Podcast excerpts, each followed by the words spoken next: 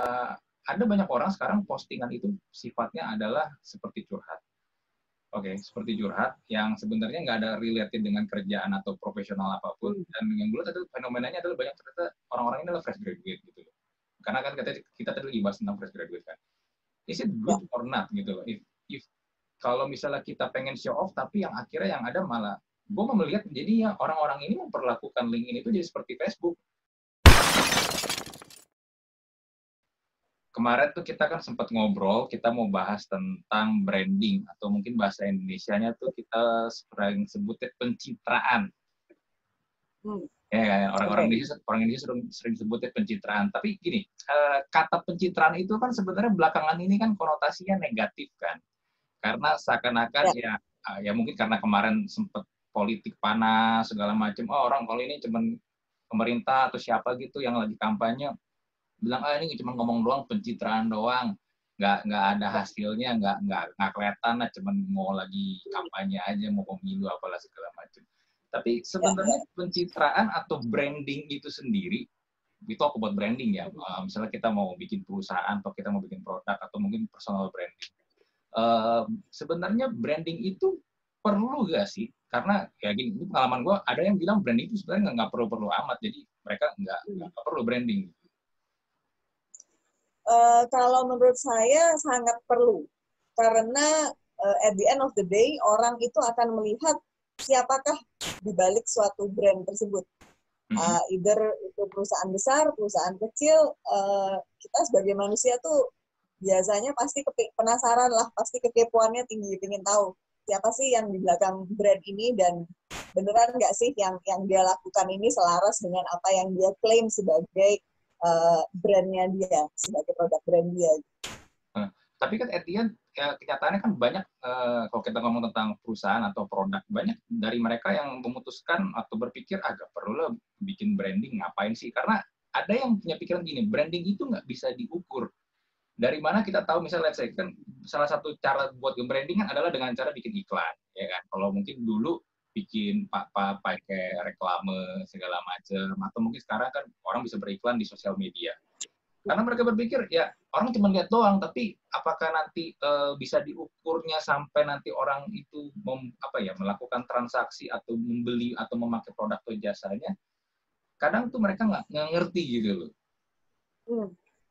Uh, kalau zaman sekarang tentunya branding dan marketing itu menjadi satu kesatuan yang nggak bisa dipisahin kalau hmm. kita lihat zaman dulu nih hmm. uh, di saat mungkin biskuit cuman kongguan doang ya udah yeah. diiklanin biskuit hmm. enak orang udah beli gitu kan yeah. nah sekarang yang jualan bisnis uh, biskuit mungkin bisa dua ribu tiga ribu lima puluh ribu brand gitu kan nah apa yang membedakan mereka antara satu dan yang lain otomatis kan harus ada brand claimnya oh hmm. punya aku ini uh, apa kayak coklatnya pakai coklat Belgia misal Nah, hmm. itu kan menjadi sesuatu diferensiasi yang membuat orang jadi mikir, uh, oke okay lah, ini berarti beda gitu. Saya belum pernah coba nih kalau coklat ini. Saya tahunya coklat uh, Afrika misalnya, gitu kan. Hmm.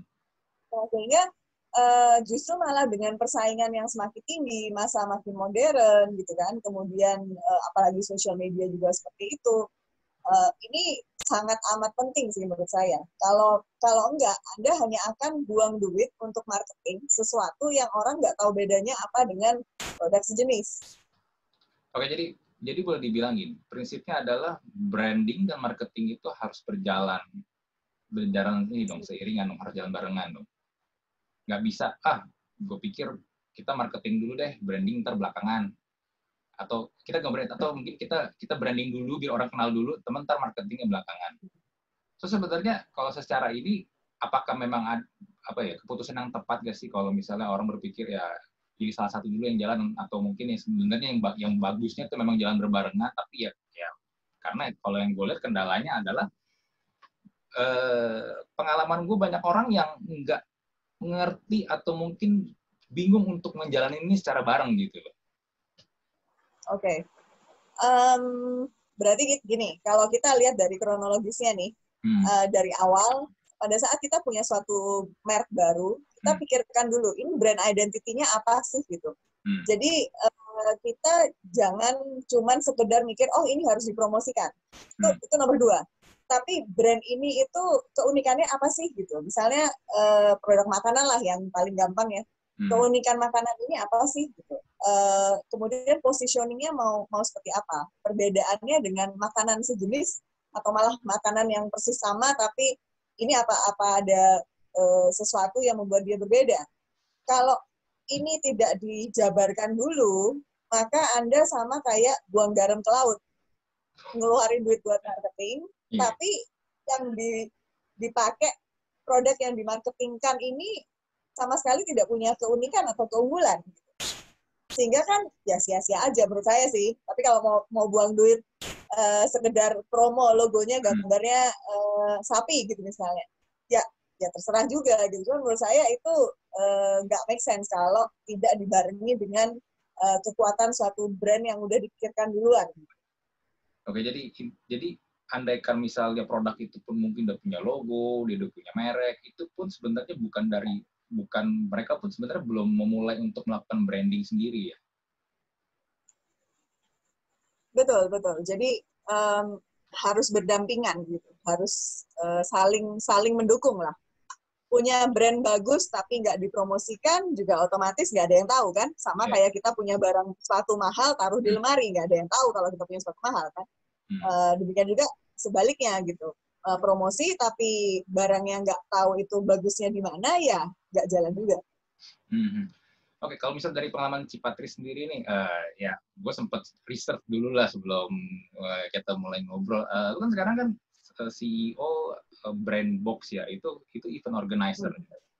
Oke, okay, uh, ya. dan ya kalau yang gue lihat dari postingan-postingan Instagram segala macam, kliennya bukan perusahaan yang ecek-ecek ya, bukan kaleng-kaleng ya. Maksudnya uh, bisa menghandle banyak perusahaan. Itu kan berarti kan gini, uh, ketika lo bangun brand box ini uh, dari awal ya gue nggak tahu bagaimana caranya supaya lu supaya akhirnya bisa dapat kepercayaan supaya klien atau mungkin perusahaan mau pakai jasa lu supaya menghandle acara ini gitu karena ya talk about tadi lu sempat bilang IO itu kan banyak sekarang kan. Ada di mana-mana kan. So so so why why why why they they, they choose you gitu Um, nah, ini mungkin saya harus harus uh, sedikit uh, cerita uh, historinya ya. Jadi hmm.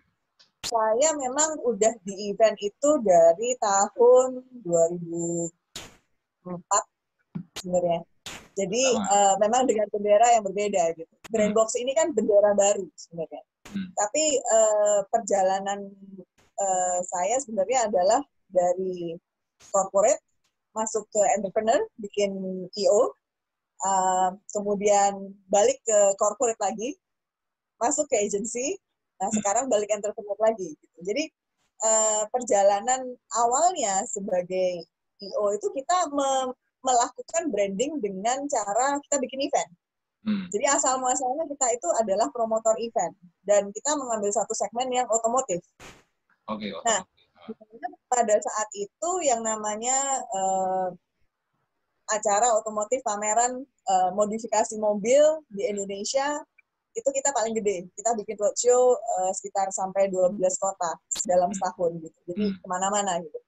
Nah, dan itu kita lakukan secara konsisten um, selama 7-8 tahun. Dalam perjalanan tersebut tentunya jadi kita bersentuhan dengan banyak brand otomotif juga, mulai uh, eh, ATPM, mulai uh, lubrikan, mulai hmm. uh, sampai ke spare part, hmm. variasi dan lain-lain. Nah, berkembangnya dari situ. Jadi apa yang kita keluarkan adalah kita punya positioning waktu itu uh, otomotif event organizer. Hmm. Akhirnya ya kenalan dengan brand-brand gede itu tadi, uh, eh, BUMN maupun perusahaan swasta, multinational companies yang akhirnya eh nih nih IO nih jarang nih ada IO yang uh, emang bio otomotif gitu dan dan awalnya memang fokusnya menunjukkan bahwa keberadaan kami adalah untuk otomotif. Nah, setelah jalan beberapa tahun ya tentunya semakin banyak lagi yang tahu gitu kan. Nah, hmm. akhirnya barulah kita semakin terbuka dan semakin luas klien eh, klien-klien yang memakai jasa kita. Uh, hanya otomotif, tetapi udah masuk ke consumer goods, uh, masuk ke telekomunikasi, ke IT, technology company, software, dan lain-lain. Akhirnya ya, ya jalan terus gitu. Nah, brandnya Brainbox ini kan sebenarnya ya yang ngejalanin juga saya juga gitu ya uh, sebagai project leader.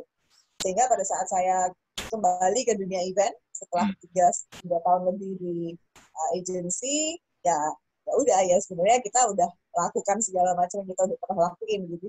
Pada saat kita ketemu dengan klien USP kami adalah ya kita udah anda mau event apa? Sebenarnya sih kita udah pernah laksanain, laksanain semua gitu gak ada yang hmm. yang nggak pernah gitu itu sehingga uh, lebih apa ya secara jam terbang uh, bisa dibilang udah mumpuni lah. So I think uh, it's because they already knew know about you. Hmm. right? So uh, so jadi kalau yang bisa kita tadi yang gue tangkap berarti boleh dibilang sebenarnya kan mereka tahu atau akhirnya pakai jasa lu karena mereka udah kenal lu dari dari sebelum sebelumnya kan. Mungkin udah pernah kerja bang tadi kan lu dari 2004 ya lu, udah kerja segala macem terus sempet ya sempet kerja terus sempet lagi jadi entrepreneur lagi dan lu balik lagi sekarang jadi event organizer.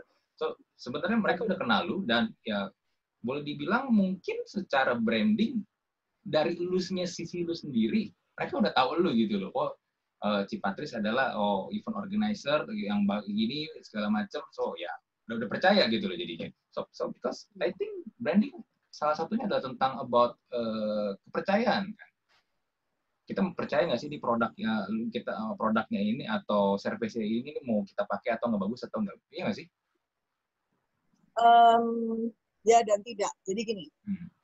kebetulan karena saya meninggalkan dunia event ini cukup lama ya sekitar enam enam tujuh tahun ya habis hmm. itu baru balik ke event hmm. uh, orang-orang yang saya kenal dulunya itu hmm. sekarang udah either mereka udah naik ke posisi yang di atas hmm. pindah ke perusahaan lain hmm. um, ataupun uh, udah nggak di nggak di uh, bidangnya sama gitu nah sehingga uh, kita kekuatan kita saat ini yang saya bisa lihat adalah kekuatan konsep sebenarnya Hmm. Jadi udah nggak, udah bukan kondisi kayak waktu kita awal berbisnis di mana orang hmm. tahu kita sebagai promotor terus hmm. dipakai sebagai IO. Hmm. Kalau sekarang uh, orang tahunya kita sebagai IO, kita kayak mulai dari bawah lagi sebenarnya. Ya memang kita udah punya track record gitu ya. Hmm. Tetapi untuk prosesnya itu kita melewati proses pitching uh, pasti. Okay hmm. di mana kita ditandingkan dengan banyak IO yang lain yang mungkin selama enam tahun terakhir mereka udah lebih terdengar lebih konsisten karena mereka memang udah jalan gitu kita kan hmm. baru terjun lagi balik lagi masuk hmm.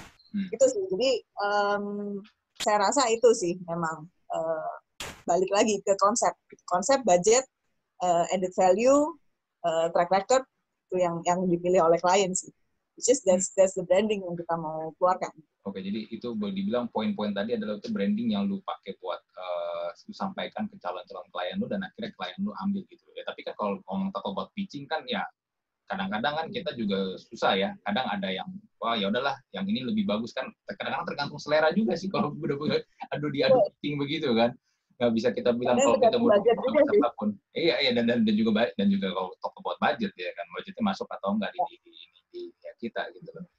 Oh, Oke, okay. uh, eh, so gini, gua gua gua, gua kemarin sempat ada pertanyaan kayak begini. Gua, uh, jadi kemarin tuh ada satu orang uh, message gua di LinkedIn, uh, dia mau hire gua untuk ngelit marketingnya dia, startup startup startup percetakan lah kalau, iya startup percetakan, percetakan percetakan.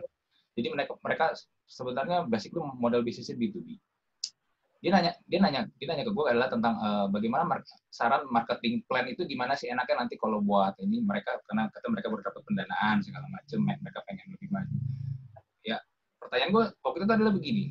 How about uh, brandingnya gitu loh. Kalian selama ini brandingnya value-nya naruh naruh di perusahaan kalian di produk kalian atau jasa kalian tuh kayak gimana yang mau dijual tuh kayak gimana. Karena kalau ngomong tentang percetakan, percetakan ada banyak ya kan. Kalau kita ngomong di Jakarta, tinggal ke Jalan Garuda itu itu satu kawasan itu percetakan semua, iya kan? Percetakan semua. Mau yang mau yang apa yang top of mind kayak misalnya Prima Grafia sampai yang rumahan pun ada gitu loh. So uh, apa gitu yang mau di apa gitu yang mau dijual. Da, tapi ya waktu itu gue mendapatkan jawaban adalah mereka B2B, mereka merasa nggak perlu branding. So cukup dengan mencari hmm. marketing tools yang yang yang yang tepat jadi nanti mereka bisa dapetin itu sendiri. Uh, Oke, okay, cuman ya karena akhirnya waktu itu menurut gue ini juga ya mungkin karena faktor pengalaman juga karena kalau gue lihat secara apa track record dia juga baru lulus bikin startup terus okay. dapat pendanaan langsung ini ya mungkin dia dia belum belum apa ya secara pengalaman juga masih kurang. Tapi ada dari ini dari sisi gue dari sisi gue gue merasa even itu B2B, menurut gue branding itu tetap harus ada, ya nggak sih? Atau mungkin memang B2B itu ada pengecualian, atau ada beberapa model bisnis yang memang nggak perlu branding, atau atau gimana? Menurut menurut gimana? Oke, okay. kalau B2B menurut saya sama kembali, uh, tetap butuh branding. Uh, apa pun produknya. Kalau menurut saya, kalau dari sisi percetakan misalnya nih, hmm. ambil contoh percetakan, hmm. uh, mungkin kalau B2B dia akan concern dengan budget. Hmm. Satu. Kedua dengan kualitas Ketiga dengan mesin yang dipakai misalnya. Hmm. Keempat kecepatannya. Uh, seberapa cepat sih dia bisa deliver gitu. Dan kelima mungkin uniqueness-nya. Misalnya dia punya kertas atau bahan sesuatu yang printer lain nggak punya. Gitu. Hmm.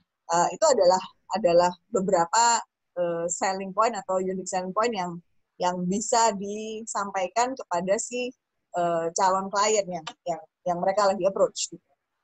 Um, jadi tentunya butuh sih, karena namanya brand kan dia pasti punya tagline biasanya. Yeah. Nah, tagline dia apa nih yang yang dia akan sampaikan pada saat dia berhadapan dengan seseorang. Saya punya percetakan, oke. Okay? So does like 5,000 other iya. businesses on the same street as yours, gitu kan? Hmm. Tapi um, apa nih yang yang bisa anda berikan buat perusahaan kita gitu? Pasti pertanyaannya akan akan melulu ke situ sih. Dan pada saat mereka ditanyain seperti itu dan mereka nggak punya jawabannya, ya udah lewat lah gitu kan opportunity itu untuk meyakinkan hmm. si klien itu. Hmm. Ya, ya, makanya waktu itu pas lagi gua kelar ngobrol ya juga nggak ada lanjutannya. Gue pikir ya, belum maksudnya secara ini juga andai kan misalnya gue beneran join sama mereka pun gue nggak yakin bisa jalan dengan smooth sih karena kalau memang udah dari itunya udah susah eh, pemahamannya mungkin masih kurang ya mau gimana pun juga ya nggak bakal jalan. Nah, tapi ini ini, ini menarik sih. Uh, ini gue, gue juga juga banyak pengalaman kerja, kerja gue juga pernah bikin startup sendiri. Gue banyak melihat ternyata banyak orang-orang yang memang bikin startup produk dan service-nya itu nggak mereka tuh nggak ada value mereka tuh nggak mikirin value-nya itu apa apa yang mau dijual atau gue sering gue sering menyebut adalah bagaimana caranya lu menjabarkan produk lu memperkenalkan brand lu dalam 120 karakter apa tweet, tweet eh, 140 ya tweet tweet deck ya kan kita kita ngebutan tanpa lu uh, bersusah payah menjelaskan panjang lebar tentang produk lu tapi ternyata gue banyak menemukan itu itu nggak ada gitu karena terakhir kali gue kerja pun uh, kalau ditanya value-nya apa targetnya visinya dalam lima tahun ke depan mau apa jawabannya adalah waktu itu gue pernah dengar jawabannya adalah mau profit gue sampai bilang kalau kalau cuma jawaban lu mau profit, tukang gorengan di pinggir jalan juga mau profit. Ya kan? Itu lebih cepat modal malahan. Ya, itu bisa jadi. Modal. Makanya gue bilang kalau kalau itu ngapain repot-repot startup, bikin konsep segala macam, ya kan, bikin perusahaan, mendingan mendingan dagang aja langsung di pinggir jalan, makanan beres, eh, nggak usah mikirin mau monetize gimana segala macam nyari nyari customer dia gimana ya kan Uh. Menurut lu gimana tentang tentang fenomena-fenomena kayak begini? Karena ini ini banyak loh, even sampai sekarang pun gue banyak menemukan kejadian-kejadian kayak begini. Kemarin juga ada beberapa yang approach gue buat hire gue, tapi ternyata memang mereka nggak punya visi ke situ. Gue juga pun juga malas gitu ngapain kalau gue kerja nggak sevisi kan? Ya, ya, ya. Hmm. Um, kalau saya lihat sih ini personal opinion ya, I think hmm. uh, startup itu saat ini sangat menjamur. Semua melihat bahwa oh ini ada kesempatan di mana banyak orang yang investor yang hmm. mau taruh duit gitu ya. Hmm. Uh, cuman kembali lagi, uh, business is not just about the the fun gitu. Uh, kalau misalnya anda punya suatu produk, tapi anda hanya bisa menjualnya ke si investor dengan iming-iming, uh, oke okay, kamu taruh duit segini, this will go like this, tapi di sisi yang lain produk itu nggak punya kekuatan, uh, suatu saat bisa fail loh. Maksudnya kayak yang segede uh, co-working space pun bisa merugi sekian ribu dolar dalam setahun gitu kan yang bikin Wibo kemarin pas ya kan? IPO akhirnya batal kan. Gara-gara mereka nah, duitnya udah ternyata hilang atau ke mana negatif. Nah makanya itu duit berapa itu bukan duit main-main nih gitu kan? Iya. but what happens gitu karena mereka nggak tahu mungkin secara strategi mungkin kecepatan uh, mereka expand terlalu cepat mungkin atau apa ya there, there's a lot of aspect yang kita kita bisa lihat gitu. Cuman uh, hati-hati gitu aja sih. Anda kan pakai duitnya orang nih. Kalau anda nggak punya kekuatan untuk uh, actually do the business punya idenya aja bagus bisa present presentasi dan dapat dana tapi operationnya yang nggak dipikirkan USP-nya nggak dipikirkan branding marketingnya uh, bagaimana untuk scale itu bisa lebih besar, then you're it's a dangerous business gitu. Kasihan investornya juga sih, gitu kan. Nah iya. itu otomatis kan Anda secara personal uh, Anda jadi ada apa ya? Ada defectnya lah di depan para investor yang pernah ketemu Anda untuk Anda janjikan segala macam return of investment dan sebagainya. Hmm. Itu sih. Yeah. Uh, talk about branding again. Kan branding itu kan nggak cuma sekedar produk atau perusahaan itu, even yeah. secara personal pun kita juga sebenarnya kan bisa membranding diri kita. Kita kan sebenarnya bisa ngeset kita tuh kalau ketika kita lagi di luar kita mau dikenal publik itu seperti apa sih, siapa kita gitu loh, hmm. ya kan. Okay. Uh, eh, nah kalau tadi misalnya nih kan tadi Cipatus bilang oh kalau gue udah bikin startup ya kan gue gue gue udah branding mungkin mereka belum tahu apakah mereka udah branding atau belum branding tapi kan ketika tadi akhirnya gagal dan sebenarnya secara nggak langsung ada suatu branding yang tercipta di diri dia kan wah ini orang bikin startup gagal ngabisin duit investor. Ya kan? Ya nah uh, nah gue mau nyambung lagi tentang branding. Sebenarnya kalau untuk personal branding sendiri nih, uh, apakah untuk orang secara personal perlu nggak sih untuk nge-branding dirinya? Apakah perlakuannya sama dengan ketika kita menciptakan produk atau service hmm. atau mungkin perusahaan? Oke, okay. um, saya rasa perlu, uh, khususnya kalau uh, posisi seseorang tersebut dia lagi cari kerjaan ataupun uh, something related dengan bisnis dia yang membutuhkan um, orang kenal dia baru akan memberikan uh, kepercayaan ataupun bisnis lah ke dia. Tapi kalau misalnya dia udah uh, punya perusahaan sendiri, mungkin entrepreneur yang yang dia nggak perlu cari klien ya, uh, semua produknya dia adalah manufacturer base dan dan jualan dan apa, mungkin tidak tidak sekrusial itu. Tetapi hmm. kalau kita lihat sekarang dengan let's say ini situasinya lagi COVID ya, banyak hmm. orang di PHK gitu. Hmm. Personal branding is is becoming more important karena uh, otomatis mereka bersaing dengan sesama orang yang mungkin fresh graduate yang emang belum pernah kerja versus hmm. orang yang di PHK hmm. uh, yang sedang mencari kerja gitu kan dan banyak lagi gitu. Jadi saingannya tambah banyak nih ikan di lautnya tambah banyak gitu. Hmm. Nah, apa yang menyebabkan uh, hiring companies itu akan melirik ke mereka kalau mereka tidak punya sesuatu yang unik terhadap uh, apa yang mereka bisa offer gitu. Nah, kalau Jadi saya rasa gimana? Hmm. Kalau fresh graduate apa yang bisa apa yang bisa, mereka jual gitu? Kalau misalnya tadi saingannya adalah orang-orang yang udah kena PHK, saya kena PHK juga karena terpaksa kan tapi kan at least mereka ya. udah punya pengalaman skill juga pasti lebih lebih lebih ada lah lebih lebih banyak lah sebenarnya satu dari sisi skill hmm. ya kan um, satu dari sisi uh, kemauan untuk dia sacrifice dalam tanda kutip ya hmm. um, untuk dia bisa dapetin kerjaan like hmm. what sort of sacrifices they want to make gitu uh, karena pada saat saya misalnya contohnya nih saya pernah rekrut gitu ya. Uh, equal candidates sama-sama bagusnya gitu ya. Um, pendidikan sama-sama S2 misalnya. Uh, tetapi yang satu dia punya personality yang jauh lebih engaging. Kalau diajak ngomong tuh lebih lebih nyambung lah gitu kan. Dibanding yang satu kalau diajak ngomong tuh kayak very stern very uh, formal gitu sehingga saya membayangkan dalam jangka panjang nih orang kalau diajak ngomongnya kayak begini susah nih mau kerja apalagi uh, tim kita uh, multicultural banget gitu. Hmm. Nah sehingga akhirnya I go with the one that is easier to talk to uh, in a way gitu ya. Hmm. Uh, selain dengan tentunya seperti itu sih yang yang yang menurut saya adalah satu yang menjadi selling point adalah your personality, your skills, um, dedication, ya kan? Itu adalah hal-hal yang merupakan nilai tambah di luar dari apa yang tertulis di CV seseorang. Hmm. Tapi gini, uh, gimana caranya um, supaya orang lain tahu gitu loh? Misalnya gini, at least contoh, gue fresh graduate, ya kan? Orang-orang uh, banyak orang belum tahu gue gue tuh siapa segala macam. Gimana caranya supaya gue bisa orang tuh kenal gue, ya kan? Karena branding itu kan harus disounding dong. Iya kan? Personal branding berarti kan gue harus sounding sounding dong. Ya tadi kan kita sempat bahas percuma kalau misalnya kita punya hmm. sepatu atau apa kalau kita taruh di lemari nggak pernah dikeluarin orang nggak tahu kita jual apa itu kan sama juga kita dalam dalam ya. tanda kutip kita menjual diri kita kan. Itu gimana hmm. caranya supaya kita bisa ini? Um, kalau dalam konteks itu saya membayangkannya satu dia harus bersosialisasi. Bersosialisasi itu variannya macam-macam. Bisa komunitas, bisa um, dia rajin melamar gitu ya. Datengin career opportunities fair gitu misalnya.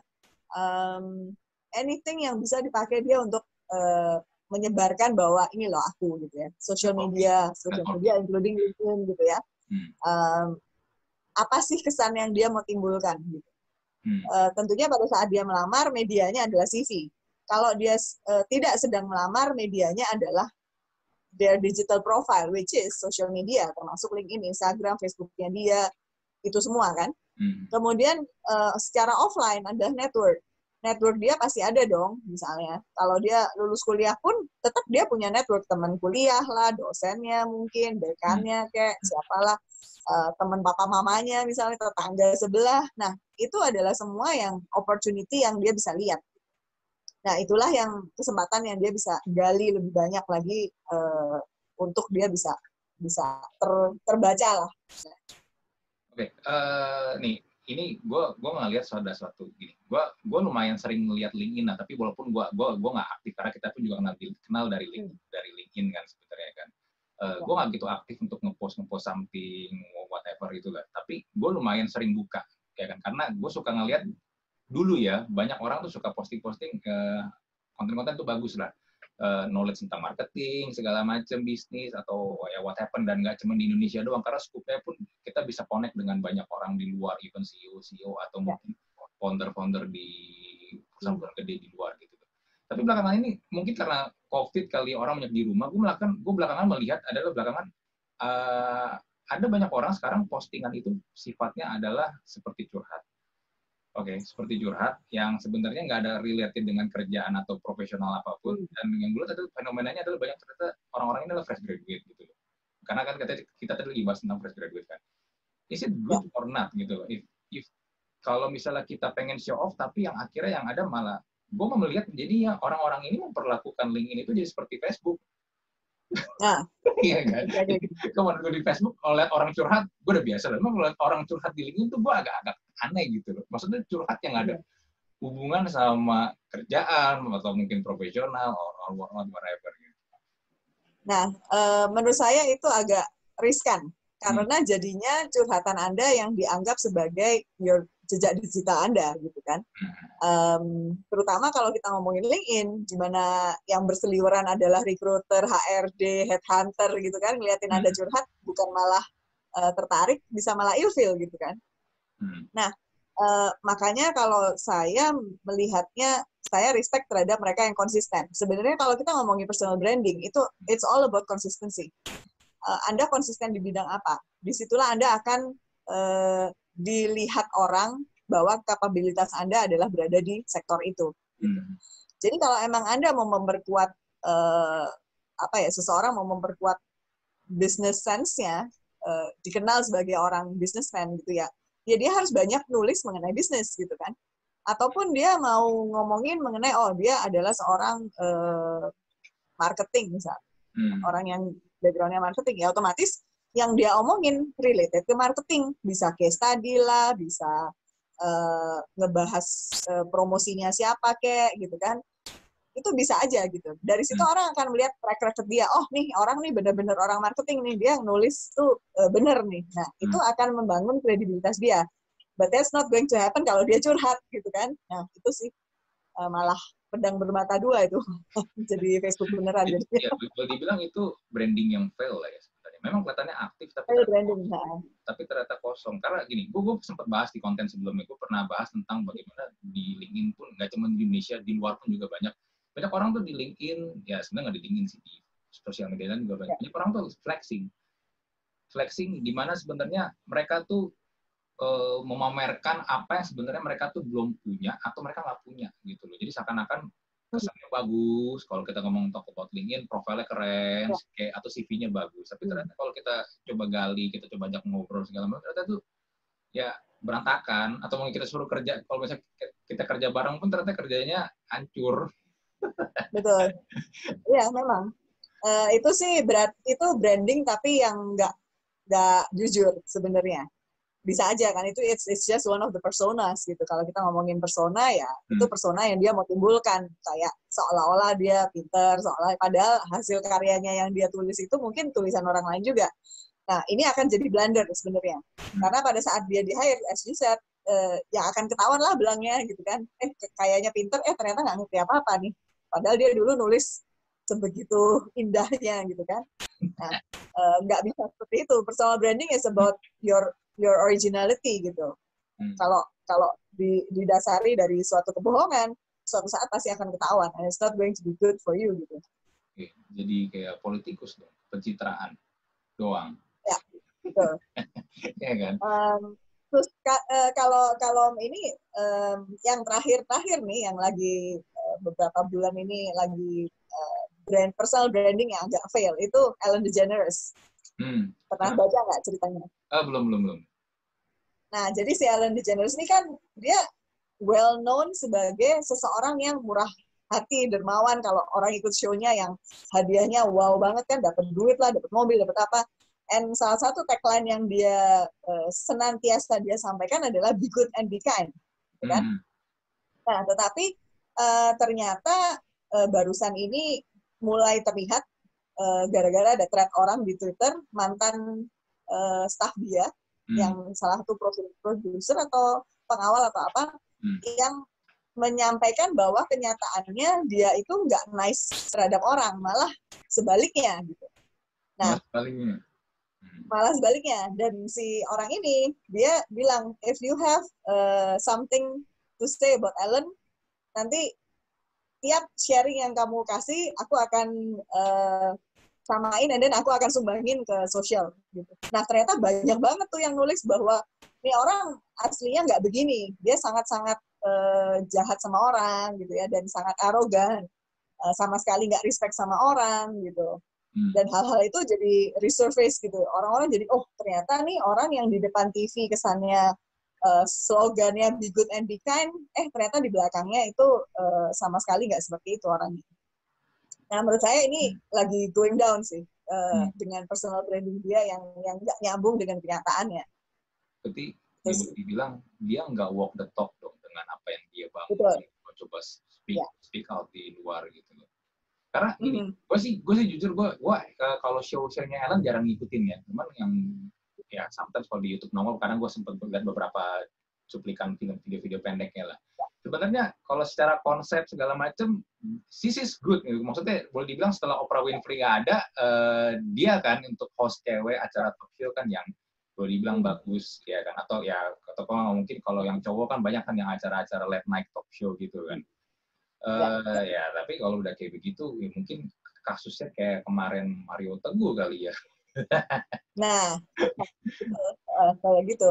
Hmm. Menurut aku uh, yang personal brandingnya masih jalan, uh, maksudnya dalam artian masih konsisten. Yang aku lihat si Oprah memang, karena dia sampai sejauh ini belum ada blunder yang yang saying otherwise dari dari semua yang dia giatkan gitu kan. Dia kan lebih ke empowerment, women gitu kan, uh, social issues gitu. Nah itu sih masih konsisten kalau saya lihat si Oprah. Hmm tapi gini hmm, kayaknya uh, hmm, tapi gini gue gue kemarin baru menonton The Last Dance uh, itu seri apa ya doku doku series lah tentang Michael Jordan dan Chicago Bulls jadi itu menceritakan okay. uh, itu 10 episode menceritakan tentang musim terakhirnya Jordan di Chicago Bulls ya dinasti hmm. Chicago Bulls terakhir lah Uh, ada ada satu hal yang menarik juga kalau talk about branding gitu Kalau kita lihat Michael Jordan itu kan dulu kan uh, sangat-sangat brandingnya tuh bagus banget kan. Dia dia atlet basket, dia terkenal segala macem, nice guy. Tapi ternyata ketika ketika lu nonton, lu bakal melihat ternyata sisi gelapnya Michael Jordan uh, dan juga teman-temannya juga mengkonfirmasi dia tuh ternyata sangat-sangat apa ya dalam tanda kutip tyrant, tirani banget Uh, dia sangat menuntut temannya juga harus ini dan dia nggak segan kasar ngomongnya segala macam dan juga apa ke hobi dia juga judi segala macam lo bakal melihat sisi-sisi jeleknya Michael Jordan. Tapi ada satu hal menurut gue hebat adalah gini dia tetap bisa mempertahankan membangun reputasinya walaupun itu sempat ke blow up di media segala macam uh, dan ya. ketika dia ngomong tentang war, ke wartawan ke media it, it, it's still good gitu dan banyak orang masih tetap mau respect sama dia gitu Uh, hmm. apakah ini bisa terjadi kalau misalnya let's say kita make a fail kayak misalnya kasus di Ellen gitu dan personal branding itu jadi jelek? Ya. Ya. Ini pun juga bisa berlaku juga untuk misal produk atau perusahaan. Karena kan nggak nggak pernah ada yang smooth kan. Pasti kita pernah make big pernah bikin entah big mistake lah atau mungkin small mistake. Dan akhirnya ke blow hmm. ya. Uh, apakah ini bisa kita perbaikin atau mungkin nanti jangan-jangan jadinya udah hancur susah banget buat dibenerin segala macam hmm. um, itu istilahnya making a comeback lah ya kalau hmm. kalau ini uh, aku rasa sih opportunity pasti ada karena human nature itu pada dasarnya pemaaf ya kan as hmm. long as uh, perubahan itu sifatnya sincere dan beneran gitu bukan bukan cuman hari ini say sorry and then the next day uh, doing the same thing again gitu ya itu akan tentunya mengurangi trust hmm. nah dalam kasusnya Michael Jordan ya mungkin dia orang akan melihat dia bahwa dia melakukan semuanya itu untuk dia be able untuk achieve apa yang saat ini dia achieve gitu kan. Hmm. Dan memang uh, ada beberapa orang terlepas dari dia sukses atau enggak karakternya emang bisa shitty banget gitu. Hmm. ya kan? Nah um, however mungkin kalau dia benar-benar at least as a human being dia being nice gitu ya. Meskipun at some points ada orang snap lah mungkin marah lah apa itu hmm. cukup uh, manusiawi menurut saya. Uh, tetapi kesempatan sih menurut aku sih selalu ada. Dan dan once emang dia acknowledge dan dia berubah I think orang akan akan melupakan kok yang yang yang jelek-jelek gitu ya. And then move on ke ke sesuatu yang better better relationship gitu gitu hmm. jadi ya secara branding bisa aja gitu mungkin dia jadi uh, but it takes effort juga sih kalau misalnya sekarang si Ellen tetap dengan kondisi seperti itu dan dia tidak merubah caranya dia bergaul dalam uh, dengan orang ya bisa jadi ini akan semakin turun dia. Hmm. Tetapi di sisi yang lain namanya fans berat dia itu bakalan belain mati-matian juga sih sama iya, kayak iya, kayak episode 62 lah ya yang yang udah pro versus kontra mau hidup mati ya ya tetap aja dibela-belain. Jadi I think opportunity sih pasti ada. Atau gini, uh, kalau di kasusnya di Ellen gini kan, dia membranding dirinya sebagai seorang yang good, be, be good, be kind segala macam gitu Ya. Waktu sebenarnya mungkin mungkin ya dari sisi aslinya sebenarnya dia dia nggak seperti itu. Atau sebenarnya hmm.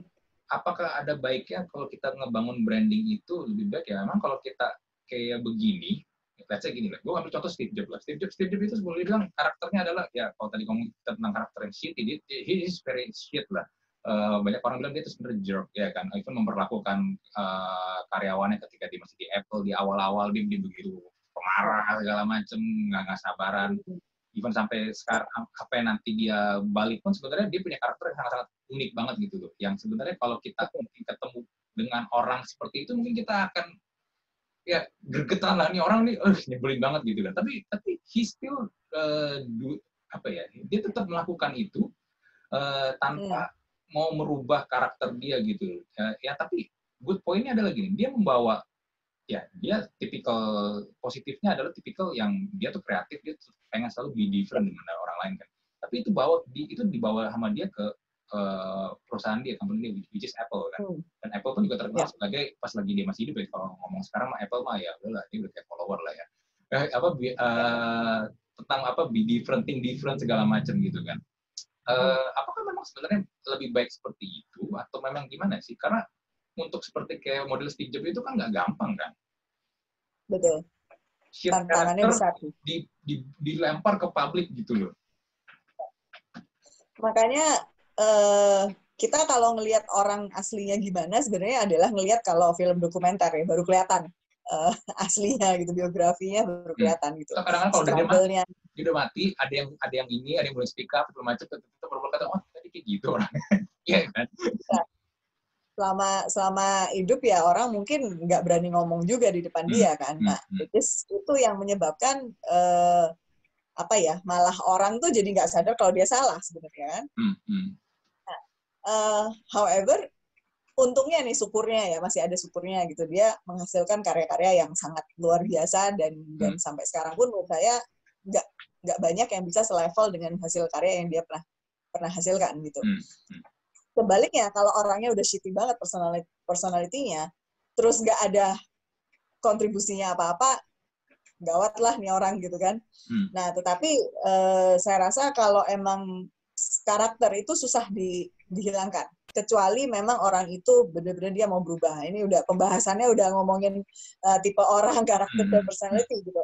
Tapi menurut aku susah kalau orang yang emang udah karakternya kebentuk dalam usia usia apalagi udah 30 40 ke atas hmm. disuruh berubah itu susah banget loh. Yeah, Kecuali ada turning point di kehidupan dia yang menyebabkan dia sadar bahwa oh this is not good dan aku mau berubah gitu. Tapi other than that ya karakter tuh tetap ada dan orang yang bekerja sama dia ya itu yang akan ketiban istilahnya ketiban nasib gitu. Kalau dia dapat pas lagi moodnya baik madep kiri ya oke okay, dia baik. Kalau dia madep kanan berarti keluar keluar tanduknya gitu.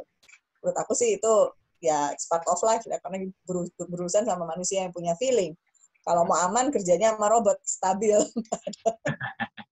Nggak ada nggak ada perubahan yang gimana gimana yang bikin bisa bikin orang lain sakit hati gitu kan. Hmm. itu sih it, it is it, it is oke okay gitu misalnya kita punya personality sebenarnya ya mungkin kita orangnya moody atau segala macam tapi kita mau bikin itu sebuah, sebuah personal branding kita itu itu oke okay. asal asal kita memang punya karya atau ada ada portofolio um, kita kasih ke orang yang kita bisa dan itu punya impact ke banyak orang gitu. Saya believe bahwa it's better to be genuine gitu ya. Hmm. Uh, and then orang bisa milih apakah dia mau suka sama Anda atau tidak suka sama Anda. Hmm. Uh, beberapa waktu yang lalu kan saya sempat nulis nih, it's, uh, it's okay to be a mermaid, gitu hmm. kan. Hmm. Karena menurut saya pada saat Anda genuine, orang tuh punya pilihan. Mau jadi teman atau relasi atau bos atau apa atau enggak ya udah it's, it's personal choice tetapi pada saat seseorang itu menyembunyikan uh, branding dia personality dia yang sesungguhnya dan itu lebih bahaya menurut saya malahan gitu karena you never know who you're dealing with it could be a psychopath gitu kan hmm. mass murder atau apa gitu kan nggak hmm. kelihatan kan kalau kita lihat kayak gitu nah menurut saya uh, it's okay gitu uh, sah-sah aja orang punya karakter dan memang manusia diciptakan dengan ber bermacam karakter gitu. Nah, um, then it's a choice. Orang yang di sekitar dia yang akan memilih apakah masih mau uh, berurusan dengan orang dengan karakter seperti ini atau enggak. Gitu. Hmm. Ya itu udah udah kembali ke pilihan pribadi dia. Dia mau meneruskan dengan style dia yang seperti itu atau dia mau berubah. It's kembali ke orang masing-masing. Hmm. Personal branding seperti apa yang dia mau tunjukkan gitu kan atau begini atau mungkin culture suatu negara atau suatu tempat ada pengaruh juga nggak sih karena gini uh, gue gini ini sebenarnya gue gue pun nggak nggak ada nggak ada kepikiran juga untuk nge-branding seperti itu.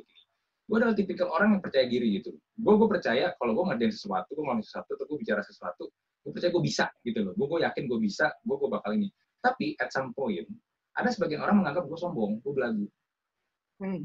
karena mereka merasa gue terlalu speak out uh, terlalu percaya diri dan se sehingga banyak ada sebagian orang menganggap gue tuh terlalu dalam tanda kutip arogan. Sedangkan kalau di di sini kan adalah orang-orangnya kan yang lebih apa sih ya berusaha lebih low profile, lebih rendah hati segala macam ya kan. Jangan terlalu ini. Ya tapi gimana ya gue gue kurang suka gitu untuk untuk untuk doing that. Jadi gue even gue ke mana-mana pun uh, orang akan melihat gue sebagai seorang yang sosok yang memang ya gue gue percaya diri gitu loh. Uh, ya udah gue gue lakukan apa yang memang memang gue mau lakukan ya apa yang apa yang gue suka dan and, and, and, and I believe that gitu kayak misalnya contoh misalnya hmm. gue gue bikin podcast ini di awal gue gue sempet gue sempet bikin podcast di awal gue sempet ngobrol sama teman gue gue bilang gue mau bikin podcast.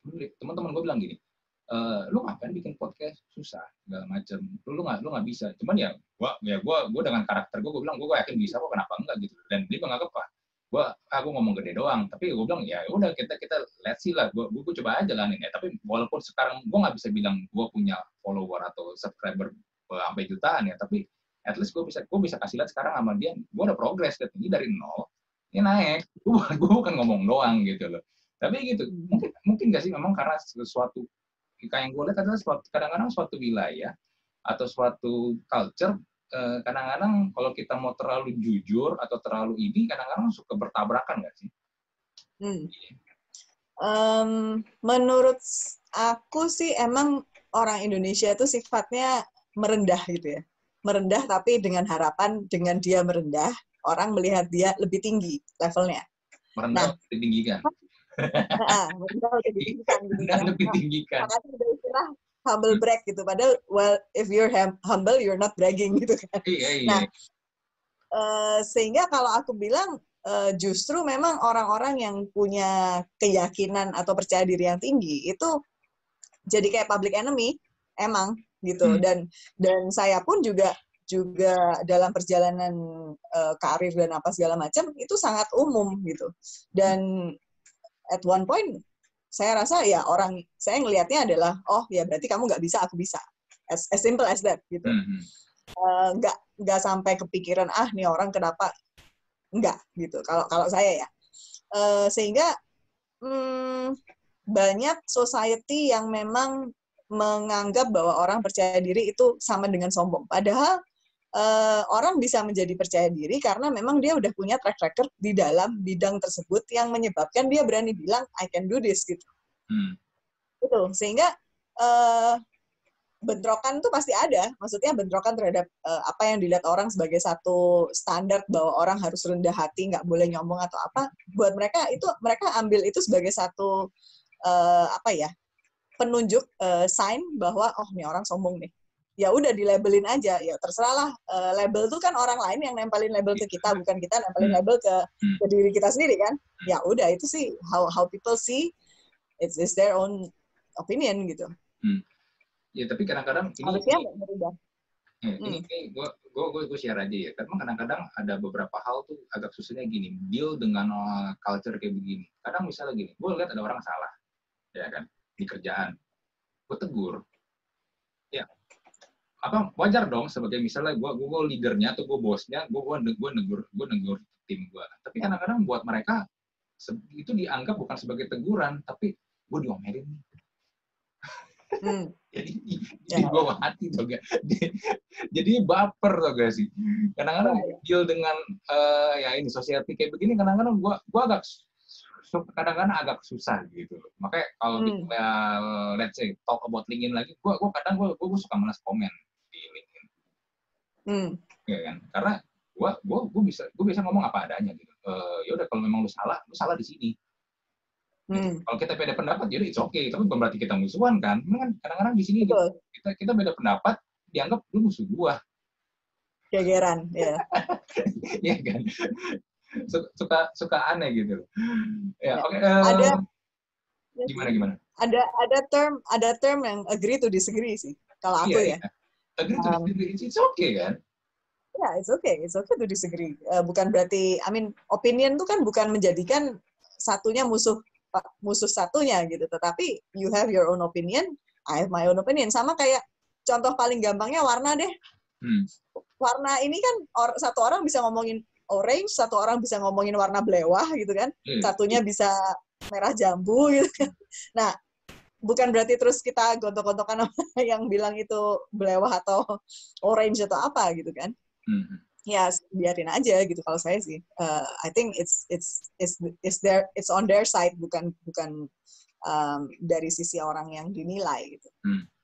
Oke, okay. uh, back to branding again. So kalau misalnya gue nanya nih, uh, kalau do and don'ts-nya dalam branding itu ya talk about misalnya mau bikin produk kayak mungkin jasa kayak atau tentang branding do and don'ts-nya apa sih yang simple gitu yang supaya orang jangan sampai melakukan ini atau kita harus lakukan ini gitu? Hmm, yang pasti uh, konsistensi, hmm. uh, uniqueness-nya harus ada, hmm. um, selling point-nya harus ada, gitu kan. Hmm. Kompetitif aspeknya harus ada, um, sama strateginya harus ada. Menurut aku itu sih. Ya kalau ada strategi sama aja bohong. iya, once itu semua aspek itu ada, then hopefully uh, survive sih. Hmm. Nah, kalau don'ts-nya? Um, don'ts-nya jangan apa ya? Jangan mengkamuflase kenyataan, jadi jangan bohong terhadap apa yang anda tawarkan gitu ya. Hmm. Uh, jangan inconsistent dengan message yang disampaikan. Jadi once you have the USP, that's you stick on it gitu. Jangan uh, hari ini ngomong A, besok ngomong B, besok ganti positioning C lagi, orang bingung gitu. Uh, ketiga mungkin lebih ke bagaimana keep up dengan market. Itu itu salah satu yang jadi blunder biasanya. Kalau uh, dia saking kakunya sampai dia tidak bisa mengikuti perkembangan zaman, dan hmm. otomatis dia akan ditinggalkan. Hmm. Dan ini udah kita lihat dengan uh, retail bisnis yang nggak berubah cara dia jualan gitu ya. Hmm. Uh, kalau nggak ikut uh, perkembangan zaman uh, ataupun tidak mengikuti aspirasi dari uh, customer-nya atau consumer-nya, hmm. dan itu bisa jadi blunder juga.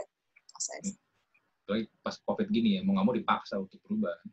Iya, uh, zaman dulu orang kalau mau belanja harus ke toko offline. Sekarang belanja ke online gitu kan. Toko offline yang nggak punya online mikir-mikir dong jadinya gitu kan. Iya, iya. Salah satunya.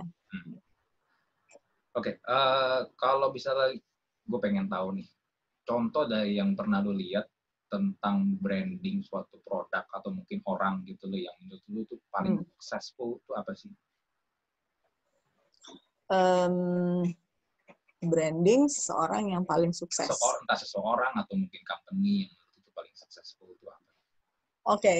um, kalau aku lihat dari brand retail ya, hmm. uh, Oreo, Oreo, menurut saya itu something yang sangat konsisten sekian tahun, tapi uh, menurut aku di di sektor biskuit dia salah satu market leader yang bagus. Hmm.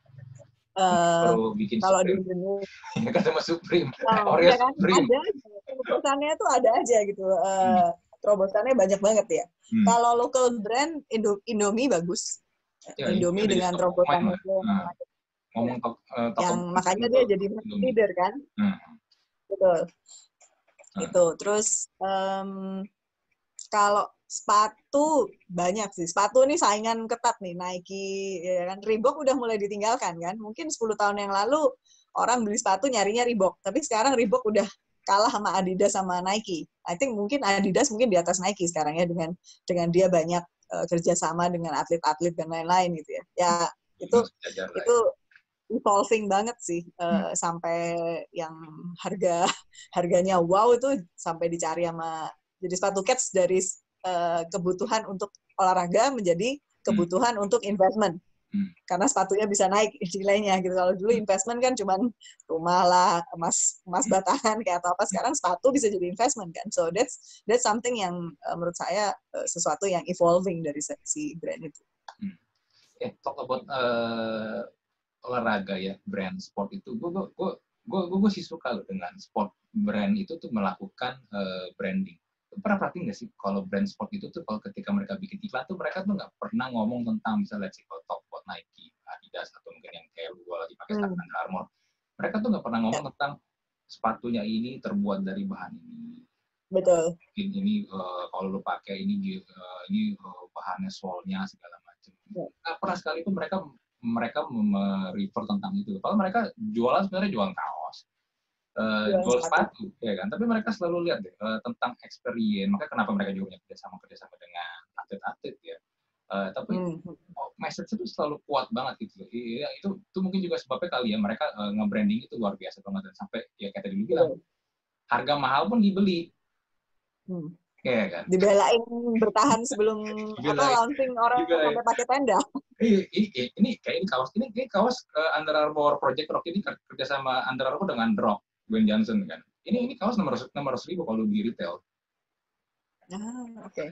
Iya kan, but but I still buy it gitu. Karena ya uh, gue gue beli dari message, gue membelinya karena message dari brand branding mereka yang mereka jual gitu. Jadi kaos sih kaos biasa sebenarnya, katun dengan disablon doang. Mahal kan?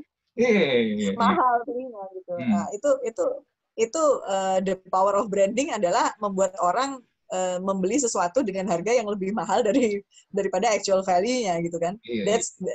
yang Anda bayar adalah brandingnya itu sebenarnya gitu kan. Hmm. So, uh, by branding ya sebenarnya kan, by branding. Kan? Iya, by branding. Branding yang bikin mahal gitu ya. Hmm. Uh, barang-barang luxury brand Gucci lah apa semua kan bahannya sama aja sebenarnya ya. Hmm. Jadi orang bayar mahal karena brandingnya dia gitu. Itu sih yang yang hmm. fenomena sekarang anehnya ya. Hmm. Padahal sepatu yang sama mungkin dengan bahan yang sama tiruannya made in China cuma seratus ribu. Gara-gara ada label Nike jadi dua juta setengah. Iya, iya. Kayak gitu. Sama-sama made in China juga sebenarnya kan. Hmm. Nah, saking satunya di showroom, satunya di pasar gitu. Udah lain-lain nilai gitu. Oke. Okay. branding. Uh, Oke, okay. uh, kalau begitu gini, yang gue gue gue ambil kesimpulan berarti gini, intinya mau perusahaan apa pun uh, bentuk model bisnisnya, lu tetap harus bikin branding. Lu tetap branding itu harus berjalan seringan dengan dengan marketing strategi itu. Nggak nggak bisa nggak bisa jalan sendiri sendiri, nggak bisa atau juga mana yang lebih duluan. Intinya harus berjalan beriringan, ya kan? Ya. Karena kalau enggak ya no one's not uh, remember about you. Apalagi di zaman sekarang yang iklan digital begitu banyak kita kalau scroll scroll sosial media iklan tuh banyak banget habis itu ya hilang hilang hilang hilang kita kita nggak punya kesempatan supaya orang tuh buat inget inget sama kita tuh begitu begitu cepat gitu So ya, intinya adalah tetap harus dan juga untuk personal branding adalah eh, bagaimana caranya sebagai tadi lu bilang be genuine gitu ya. Jangan jangan sampai hmm. uh, kita uh, faking something dan akhirnya ketahuan ke blog akhirnya ya berantakan lah personal branding. Gitu. Yeah.